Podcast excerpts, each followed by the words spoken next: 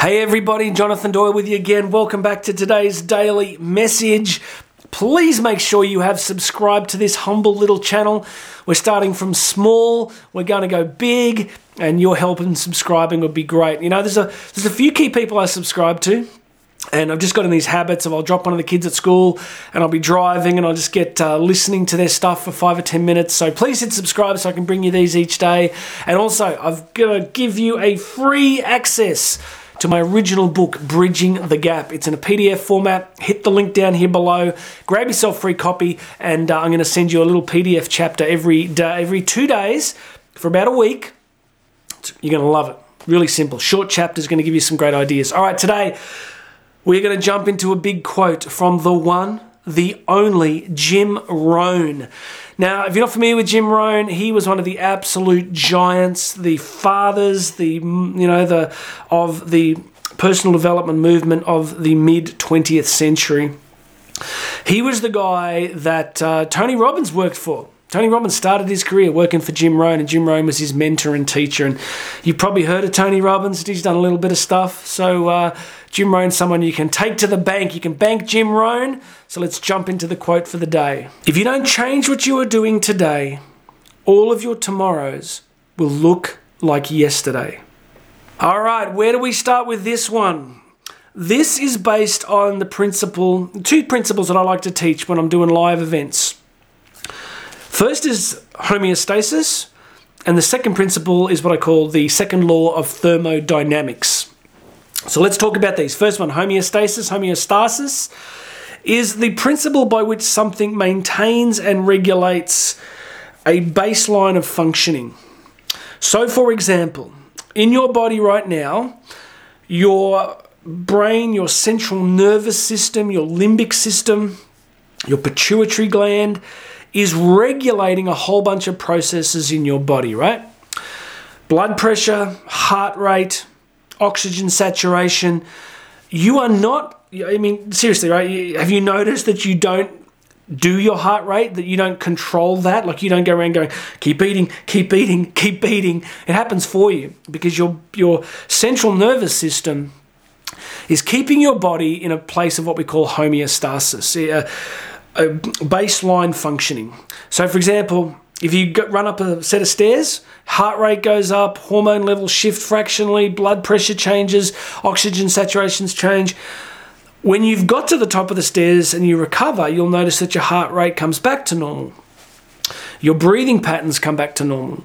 Now, you didn't do that, right? Your body naturally does it. Now, what this means is that left to ourselves, we are constantly trying to seek a flat line of flat line, not a flat line of a heart rate, but a flat line of functioning. We're trying to always stay in a safe, comfortable, narrow band where things are just operating and there's no big issues. So the first thing we're pushing against in the personal development space, the human growth space, the mindset space, is that uh, we've evolved for simplicity and comfort and survival. So the first thing Jim Rohn's telling us is that we got to push against homeostasis. If, if we don't do something slightly different to change our reality, then our reality is either going to stay the same or, and now I'm going to introduce the second principle, it'll get worse. Second law of thermodynamics is a principle in physics that energy will move from a hotter state to a colder state in the absence of any other inputs. So you think of the sun, right? Like our sun at the moment is actually heading towards implosion. Now it's not going to happen for I think about another X billion years, maybe 4 billion years.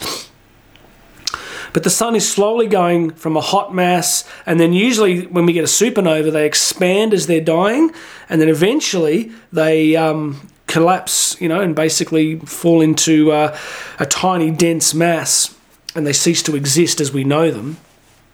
So you can see that energy is moving to a from a hotter state to a cooler state and eventually transferring into another form of existence. It's deep, isn't it?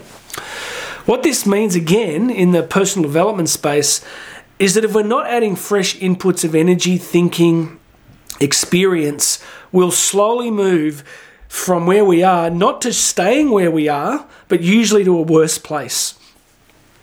Often we think that, you know, when we're stuck, that something will change eventually. I'm, I'm not a big believer in that. I think sometimes we need to really put in fresh inputs, put in fresh inputs of energy, creativity, effort.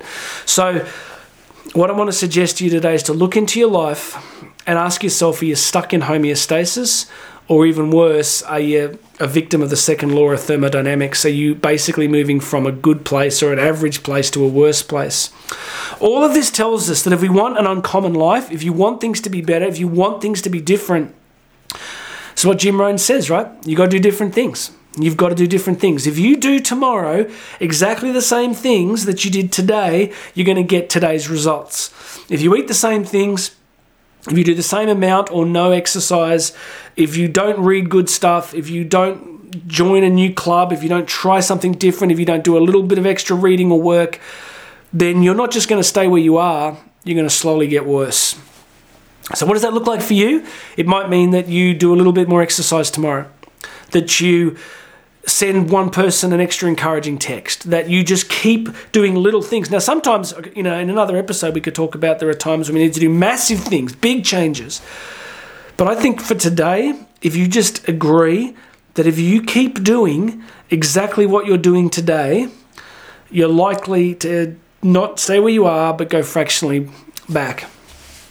There are some habits we have that we can just do the same every day that are beneficial. So, exercise, being positive in relationships. But even then, we can still improve, right? We can still get better. We can still do new stuff.